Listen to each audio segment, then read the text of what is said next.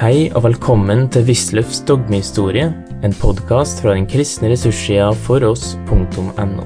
Med gjennomgang av Den kristne kirkes dogmehistorie av tidligere professor ved Menighetsfakultetet, Carl Fredrik Wisløff. Eh, Saken var jo at ikke noe punkt hadde vært så hardt angrepet av Luther og de andre reformatorer som messens offer. Og ikke på noe punkt følte de katolske kontroversteologer at situasjonen var så vrang som nettopp der.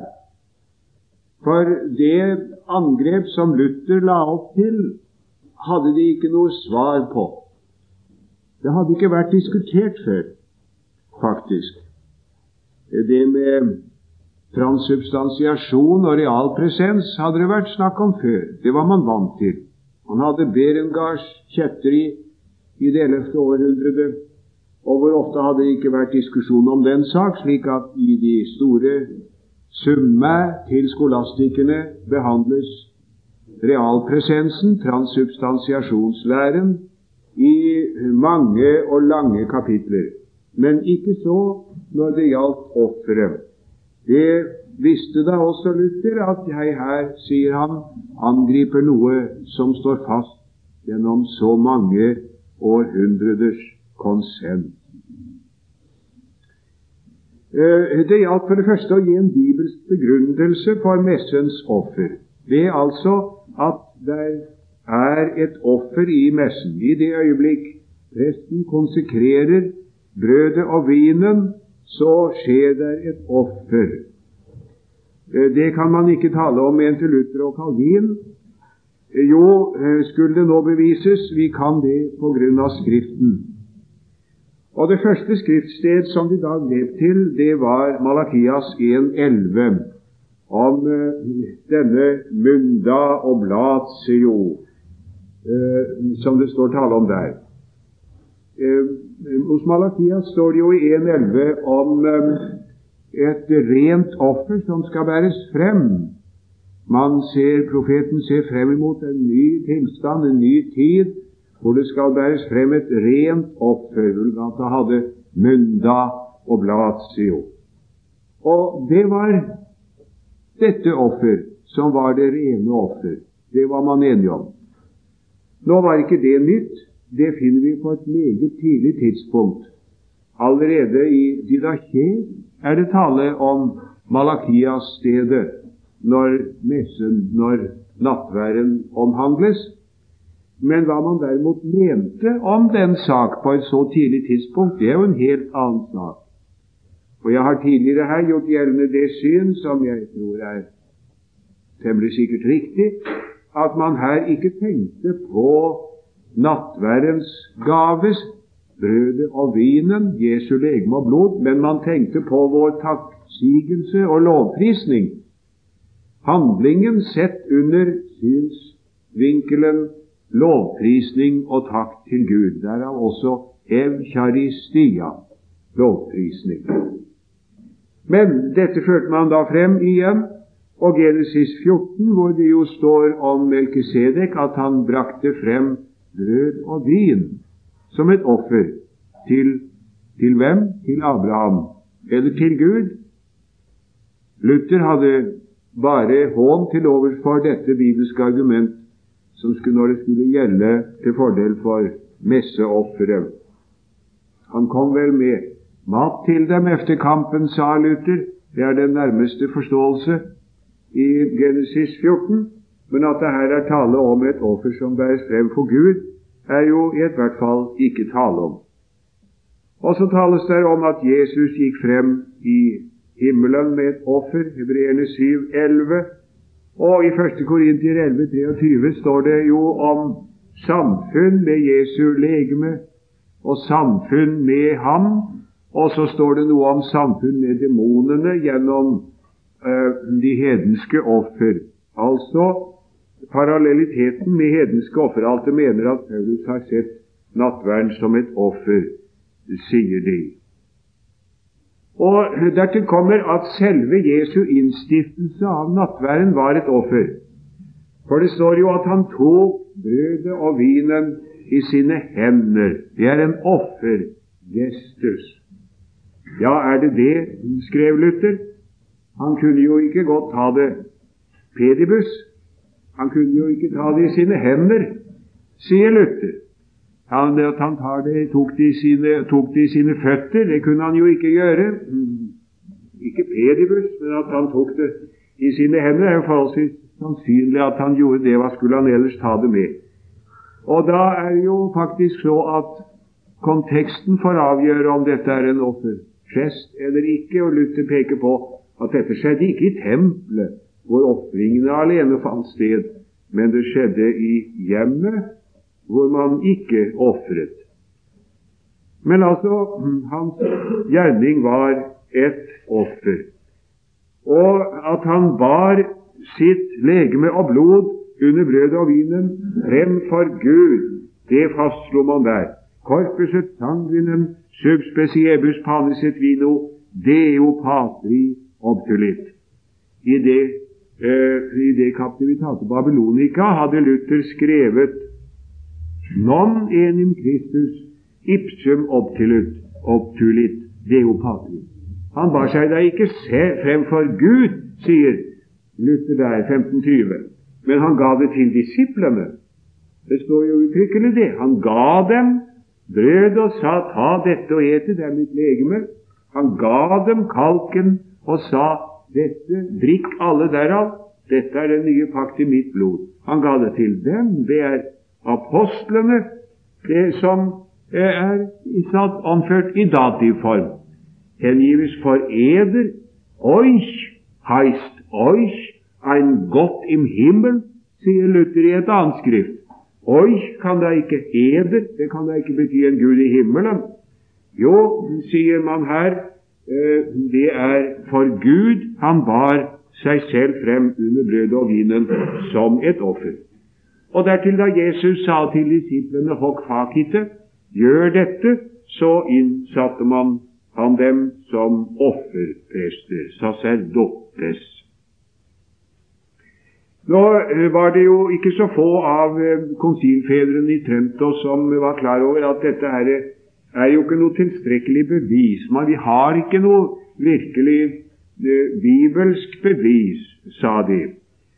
Men det er ikke nødvendig heller, for det kirkelige tradisjonsbevis er sterkt nok. For Kirken farer ikke vill.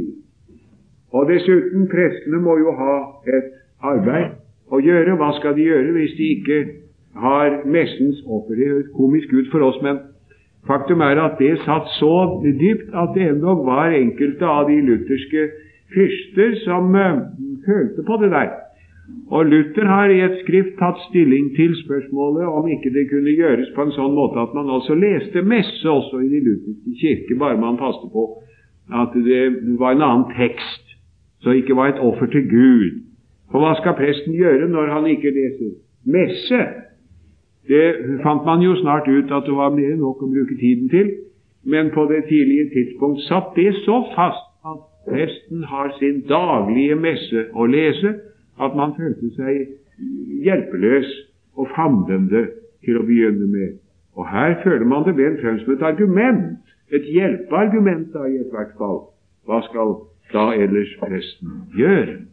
Ennå har jo eh, den katolske prest det som sin embetsplikt å lese messe hver dag. Eh, Luthers angrep er jo i det hele tatt bakgrunnen for det som her er eh, konsilfedrene resonnerer og fører frem. Og Luthers utgangspunkt er, som jeg har sagt før her, des sakraments im vort varnemen. Varnemen styr genitiv. Å anskue sakramentet i ordet, dvs. Si innstiftelsesordet. Innstiftelsesordet er nøkkelen til å forstå sakramentet, sier Luther. Og innstiftelsesordene, Jesu ord da han innstiftet nattverden, det er å forstå som et evangelium, en vennlig innbydelse. Og i det lys må man forstå denne handling. Det er ikke en ytelse av oss, men en gave ifra Gud. Det er ikke noe vi bærer frem for Gud som et offer, men det er en gave som Han gir oss. Og det er en uhyre perversjon å gjøre det til en, et offer til Gud som Han har gitt til oss som en gave til å ete og drikke, med andre ord til å ta imot med munnen og med hjertets takknemlige tro. At messeofferet er verum et proprium sacrificium, blir uttrykkelig slått fast her. Et sant offer altså, og et eget offer. Det proprium sacrificium. Det er ikke altså bare et bilde på noe, men det skjer et sakrifisium der og da. Og dette offer ses under fire synsvinkler. Det er tilbedelse, soning, takksigelse og bønn. Og at det er et sonoffer, det blir sagt helt klart og tydelig. Det var endog lagt stor vekt på at det er. Et, et, vanskelig punkt var jo naturligvis forholdet til korsets offer. Jesus jo, er jo død på korset én gang for alle. F. Hapax står det i Hebreerbrevet. Én gang for alle. Og det er et hovedsynspunkt at dette er et tilstrekkelig offer. Jesu ord da han døde på korset, det er fullbrakt, har ikke for ingenting alltid vært sett på som en understrekning av dette forhold. Det tåler ikke noe ved siden av seg, det trenger ikke noe supplement. Hva da med et offer som bæres frem daglig for levende og døde? Hva med det? Altså, Det er da forholdet til korsets offer. Hvordan forsvarer man dette overfor stedene i Hebreerbrevet, ikke minst 10, 14 og flere steder, hvor det står at Jesus har eh, ofret seg en gang for alle. Vel, eh, det, det svarer man da på, på følgende måte. Eh, hans korsoffer var et blodig offer. Oblatio cruenta. Dette offer er et offer et ublodig offer, eh, oblatio incruenta. Han ble ofret seg en blodig død på Golgata, men dette er et ublodig offer som skjer i messen. Og Følgelig så treffer ikke innvendingen ut ifra Hebreerne 10,14, mener de. At det, ikke kan, at det var én gang for alle. Ja, naturligvis, det gjelder det blodige offer, det var en gang for alle. Det kan ikke gjentas. Det trenger ikke noe supplement.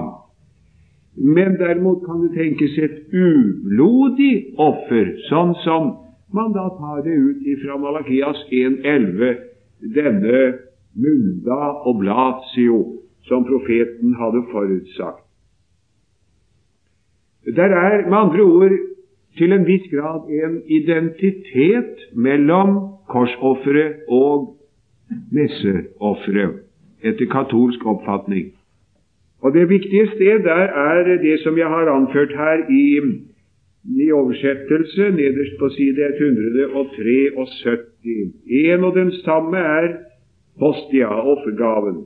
Den samme prest ofrer nå ved hjelp av alle prestene, sacerdotum ministerio, bare måten å ofre på er forskjellig. Altså her er La oss ta det, høre det på latin. Una enim e ademque est hostia. Idem nunc offerens sacerdote ministerio, quise ipsum tunc in cruce obtulit, sola offerendi ratione diversa. En og den samme er nemlig offergaven, hostia, det som bæres frem Eh, en og den samme er, er offergaven. Eh, eh, den bar han en gang frem, altså selv, blodig, på korset. Nå bæres den frem ved eh, prestenes tjeneste. Sola offerendi ratione diversa. Bare måten å ofre på er forskjellig. Eh, det er med andre ord her tilstrebet en, eh, en identitet mellom korsofferet og messeofferet, og dette skal vi være veldig oppmerksom på. Luther og Calvin sa eh, messeofferet er en gjentagelse av eh, Golgata-offeret, og, og det er det som er utilstedelig. Det har altså egentlig ikke vært katolsk lære, og er heller ikke i Tridentinum. Eh, Tridentinum sier ikke at messeofferet er en gjentagelse av Golgata-offeret. Det forsøker å unngå den tankegang. Det forsøker å gjøre det, som det heter i den skolastiske terminologi, numerisk identisk med korsofferet. Og det er også gammel tankegang i virkeligheten. Jeg har sitert for dem her. Eh, jo, det har jeg gjort. Gabriel Biel, han sier eh, Jeg leser litt foran det som jeg har anført her. Ab ipse quidem oblatus est in morte, a nobis non in morte, quia Christus resurgen ex mortuis jam non moritur. Nummer 6. Unde nostra oblatia non est reiteratio sua oblationis sed representatio. Hva er det han sier? Dette må vi absolutt få tak i, for det er veldig viktig, ikke minst i den interkonfesjonelle debatt just i øyeblikket hvor det holder på å skje en total forvirring. Gabriel Biel, altså senskolastikeren, den siste skolastiker har det jo han jo vært kalt, slutten av 1400-tallet, uh, Luthers store lærer, Wenn ich das Buch las, dann blutete mein Herz, sier han jo om denne store messekommentaren hans. En svær bok. Et syn bare boken. De skulle bare se den. Eh, der, eh, der heter det altså Han har ofret seg selv i døden. Av oss ofres han ikke i døden. For, og så kommer et skriftsitat, etter at Kristus er oppstanden fra de døde, dør han ikke mere. Romerne 6. 9 er det vel.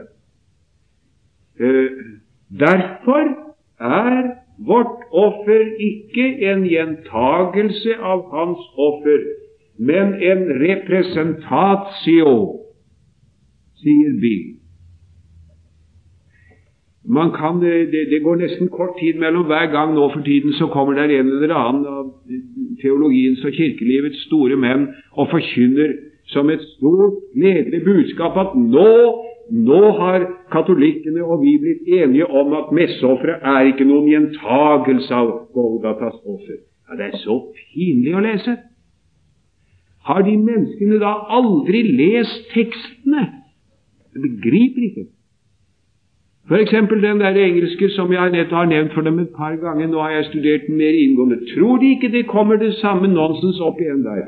Det er så stort, for nå er vi blitt enige om at, at messeofferet er ingen gjentagelse av Golgata-offeret. Ja, men hjelpe meg, det sa jo Gabriel Biel!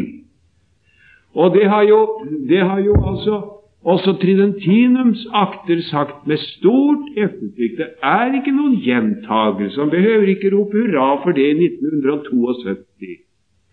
Det ble altså vedtatt her uttrykkelig i 1562 på møtet i Trento. Man behøver ikke gjøre seg så storartet.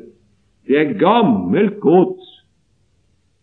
Det er altså protestantene som har pleid å si det der, der at messeofferet er en en gjentagelse av Golgata-offeret. Det sa Luther, og det sa Calvin, og det har eh, protestantiske kontroversteologer, både lærde og ulærde, eh, pleid å si. Og katolikkene har da i 400 år sagt det er ikke sant. Vi sier ikke det. Ja, Hvorfor sa Luther det? Visste han ikke bedre? Jo, han så på det faktiske forhold. Han så det slik at dere sier at dere ofrer Kristus. Og hvis det skal ha noen mening, så må det være en gjentagelse. Men det var en tolkning som Luther fremsatte. Den kan være riktig, eller den kan være gal, men den er ikke den katolske lære. Dette må vi endelig være klar over. De tilstreber en identitet Det er ikke noen gjentagelse, det er bare en representatio. Det er ikke så lett å finne en god oversettelse på. Det gjøres nærværende, sier de gjerne nå for tiden. Det avsvekker noe mer, tror jeg, enn Biel egentlig mente. Men uh, det er at dette blir nærværende på den måten at vi nå bærer hans ublodige offer frem som et offer. Altså Her regnes på en merkverdig måte dels med en identitet, dels med en forskjell mellom Golgata-offeret og messens offer. Identiteten den fremheves for å vise messeofferets virkelighet og dets gyldighet. Det er et virkelig offer. Det er, det, det er et virkelig offer. Ikke som noen sa altså fra protestantisk hold, det er ikke noe, det, noe offer i det hele taget. Det sa Calvin. Denne, denne, denne guden som han ofrer, sa Calvin, ille prestigiator, denne gjøgle, som han kalte eh, den katolske presten som står der ved offeret. Ille prestigiator. Den guden han ofrer, den kommer ikke fra himmelen, men den kommer fra mølla, sa Calvin. Det var bare brød. Luther, for ham var det mye verre. For ham var det en anfektelse, for han trodde på Kristi legemes og blods reale presens. Og kan det da virkelig være et offer? Det er jo forferdelig å tenke på. Sånn tenkte Luther. Her svarer man altså det er en identitet for så vidt som det er samme offergave og samme prinsipale offerprest. For det er Kristus som nå bærer frem offeret igjen, men nå denne gang ved hjelp av prestene. Eh, ved hjelp av prestene. På den måten vil de bevise offerets virkelighet og dets gyldighet. For det er jo samme offergave. Det er jo Kristi legeme også nå, og Kristus selv også nå. Men forskjellen den fremheves for å vise offerets mulighet. Man kunne jo spørre hvordan kan det være mulig at det er et offer igjen, da? Ja, muligheten ligger der i at det er et ublodig offer, ikke et blodig offer. Derfor er Luthers innvending ut fra uh, Hebreerne 10,14 ikke gyldig, ikke relevant, mente de. Eh, en eh, sidebemerkning her var da Luther ikke oppmerksom på denne side av saken. Jo, naturligvis, i aller høyeste grad. Han hadde lest i samme Tores han som motparten. Han hadde også lest motpartens argumentasjon. Han kjente den ut og inn. Gjorde da ikke det noe inntrykk på ham? Bøyde han seg ikke for det og innrømmet at når vi er på den måten, da må vi jo kunne kalle det for et offer? Nei, på ingen måte. For det gjenstår at enten man nå kaller det det ene eller det andre, enten man sier det er en gjentagelse av Golgata-offeret, eller man sier det er en representatio av det, så gjenstår det faktum at man her mener seg å bære Jesu legeme og blod frem for Gud som et offer og det for levende og døde. Da kan man lenge nok tale om en identitet mellom Golgata-offeret og messeofferet. Det er en fiksjon, mente Luther. Og det å si dette er et ublodig offer, mens Golgata-offeret var et blodig offer, det er å føre inn en tanke som Skriften ikke kjenner. Vaske opper virt, muske tøtet veden, sier Luther. Det fins ikke noe annet soneoffer enn det som hengis i døden. Det faktum gjenstår, mente han, at den gave som Gud har gitt oss, blir ved en uhyre perversjon gjort om til et offer som vi rekker Gud. Kall det et ublodig offer. Det er irrelevant. Det har ingen skriftdekning, og det går til fradrag av det en gang for alle fullbrakte offers verdighet og gyldighet. Hvilken virkning hadde nå eh, messens offer? Jo, det er et eh, soneoffer, sacrificium propitiatorium, både for levende og døde. Gud godtar messens offer som godtgjørelse for synder, eftergir straff for veniale synder, tilgivelige synder, og virkningen er avhengig av den enkeltes Eh, den enkeltes devotio, framme hengivelse. Han får velsignelse av dette i, ettersom hans egen fromme hengivelse er.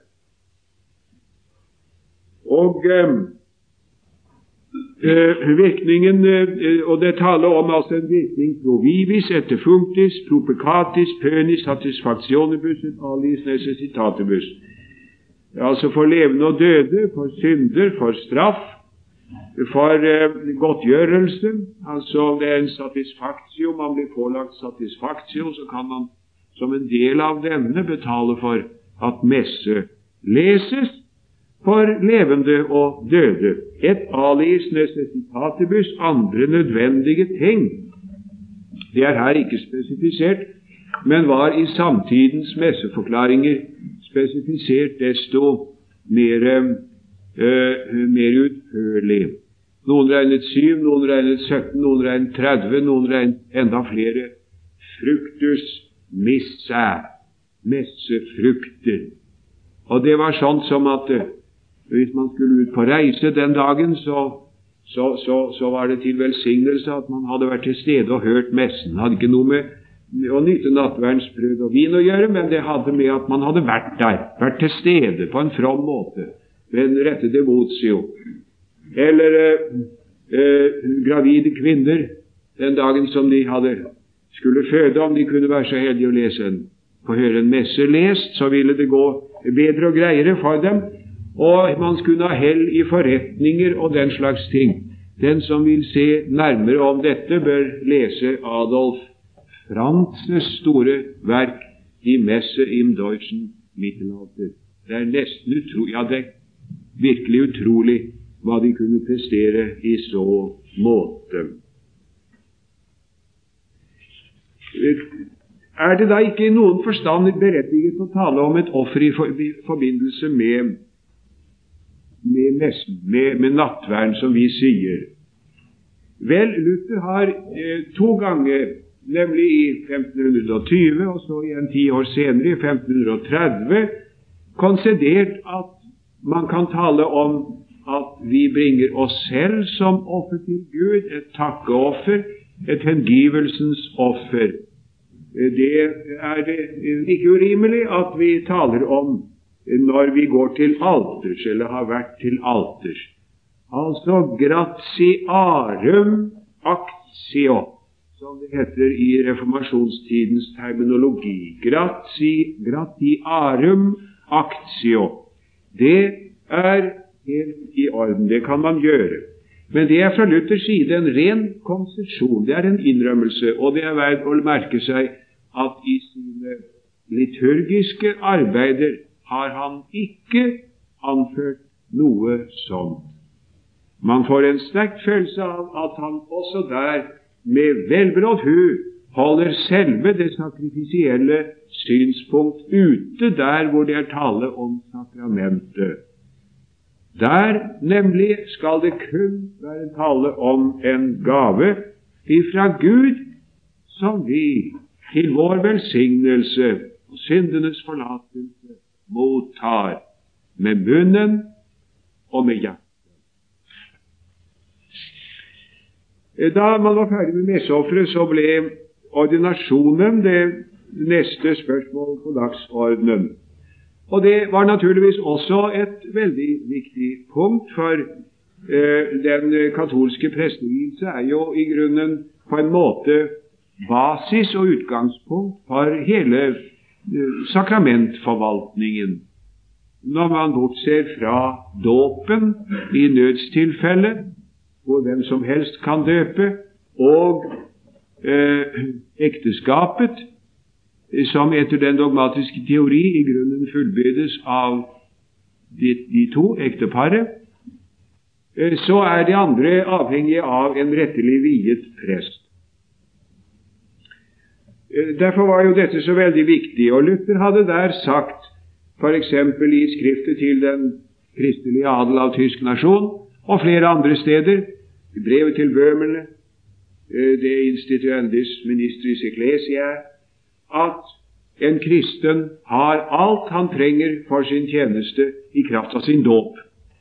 Det er ikke noe vi trenger til vår tjeneste som ikke prinsippet er gitt allerede i dåpen. Was aus der Tau krochen ist, das mag sich rühmen, dass es schon Pfarrer und Papst geweiht ist.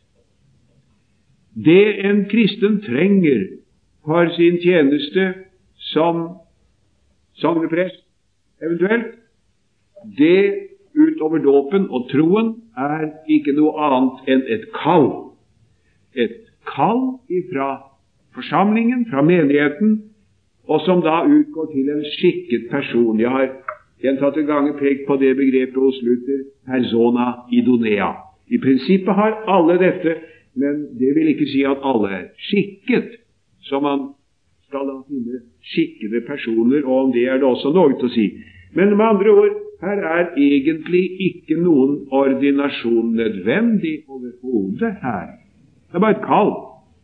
Og i sine første skrifter om dette punkt så sier jo Luther at ordinasjon er ikke noe annet enn kallelsen. Ordinieren heist berufen und befehlen das Pfarramt. Men i 1535 var alt håp definitivt forbi når det gjaldt om kanskje biskopene skulle komme på bedre tanker og, og innrømme at det var noe i de, innrømme de evangeliske deres rett. Det hadde jo vært tydelig lenge, men da var den siste, det siste håp ute. Så da begynte man med en formelig ordinasjon i Wittenberg. Før den tid hadde man bare eh, gitt en mann en velsignelse ved når han tiltrådte, og hvis han flyttet til et annet kall, så fikk han det på nytt. Det var så lite offisielt liksom som mulig. Man ville ikke instituere en ny ordo. Og hvis en mann sluttet å være sogneprest, så var han ikke lenger prest. Da får han gå tilbake og være skredder eller skomaker som han var før, sier Luther, når han taler prinsipielt om dette. Så det gjaldt å grunngi en helt annen oppfatning da for fedrene i Tremto. Eh, derfor, eh, ja, og Luther gjør jo veldig narr av dette her. Tenker seg, sier han, at det, denne stinkende oljen, kresem, kan gjøre sånt mirakel med en mann at han nå er plutselig i stand til å forvandle brød og vin til Jesu legeme og blod. Hva skulle man ikke kunne utrette med friskt maismør, eh, sier han. Eh, det er jo allikevel noe annet. Eh, alle disse synspunkter av Luther ble anatematisert i Tremto, og man gikk så over til å definere selve den katolske lære om ordinasjonen. Eh, der, der, var det eh, greit nok med selve ordinasjonen, selve innvielsen til, eh, til prest. Det er jo ganske klart at det, det trengte man. Vi tar punkt 12 nederst på side 174 først der, kanskje. Eh, det er slik både i både den gamle og den nye pakt at eh, sakrifisium og sacerdotum ordinatio er, for, forenet. Altså en, et sakrifi, sakrifisium og en prest Sacerdotem skal det stå, naturligvis. Ikke um, men m. Sacerdotem.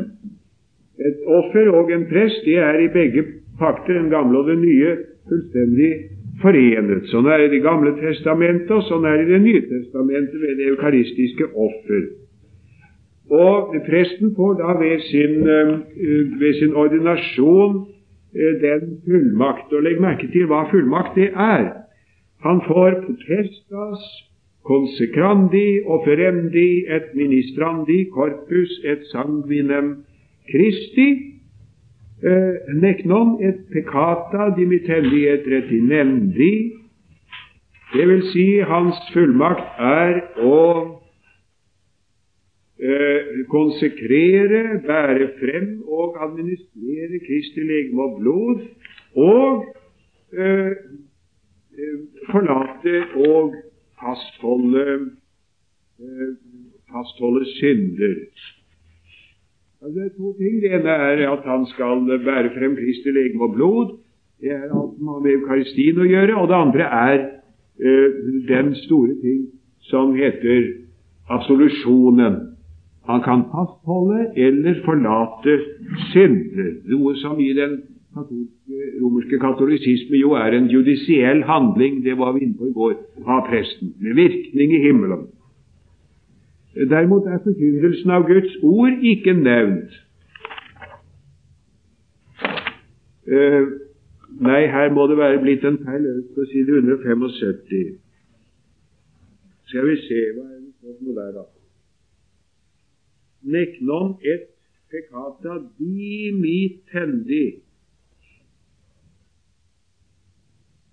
Et retinendi.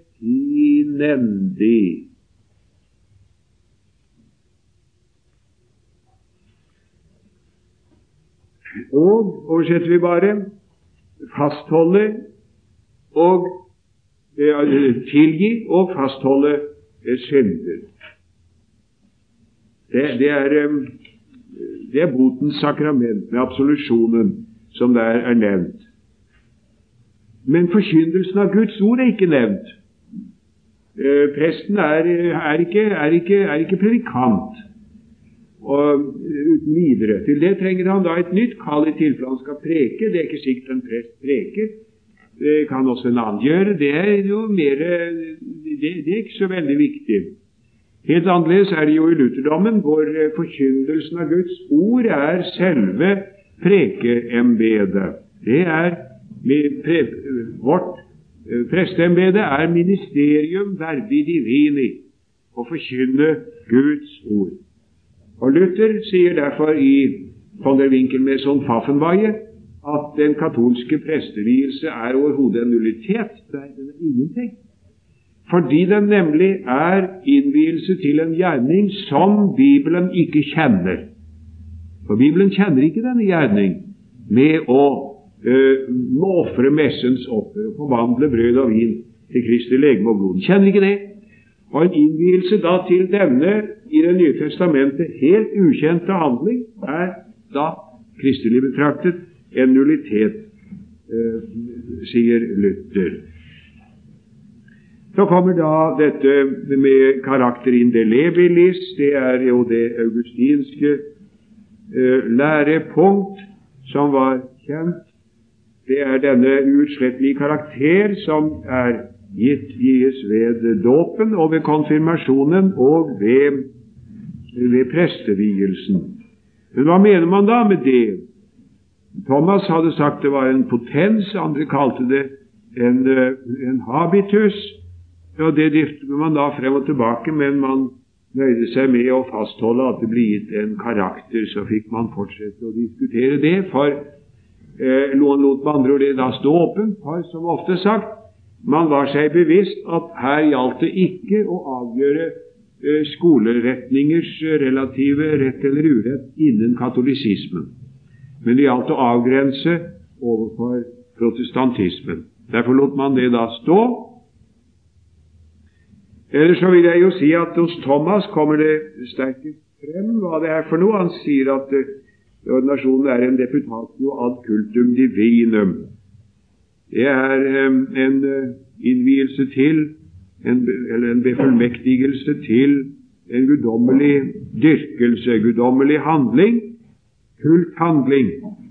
Han regner med en dobbelt deputatio, en passiv for legfolket som de får i kraft av dåpen. Det er den å kunne ta imot alle sakramentenes gaver og velsignelser. En aktiv som gis ved ordinasjonen, og som er for prestene. Ingen som er ordinert, kan bli legmann. igjen. Men så var det et spørsmål til, og det var om, om, eh, om bispeordinasjonen var eh, et sakrament. Vi kan gå tilbake til punkt 11. De var veldig mye inne på dette med biskopene. Og der passet de nøye på hverandres ord og vendinger, de som var til stede, for det var som før sagt to, to partier. Det var episkopalister og kurialister og pavens folk. Og så var det eh, de som holdt på det episkopale synspunkt. Og det var ikke lett å finne ord som alle kunne enes om her. At det geistlige embetet har flere grader, det var det ikke noen tvil om. Altså diakon og prest og bisp, det er det katolske synspunkt. Den tredelingen, den som protestantene har forkastet. Det var man fort enige om. Men eh, presten er over, Biskopen er over presten, det er klart. Men her er det to spørsmål som står igjen. Det ene er hva er forholdet mellom paven og biskopen? Eh, hvor har biskopen fått sin, sin myndighet ifra? Ja, han har fått den fra Kristus. Han er apostlenes efterfølger. En katolsk biskop er apostlenes efterfølger. Det er det, er enighet om. Det har ingen diskusjon. Men har han fått sin fullmakt direkte fra Kristus, eller har han fått den fra paven? Er det kanskje sånn egentlig at um, paven er i prinsippet biskop, den eneste, og så er det bare in partem solicitudinis av ham gitt fullmakt til en mann så å si å representere paven. Det er det ekstreme kurialistiske synspunkt.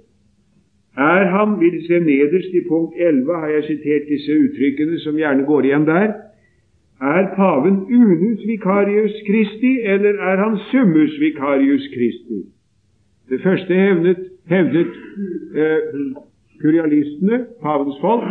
Det andre hevdet episkopalistene. At paven er høyere enn biskopen, er det ingen uenighet om.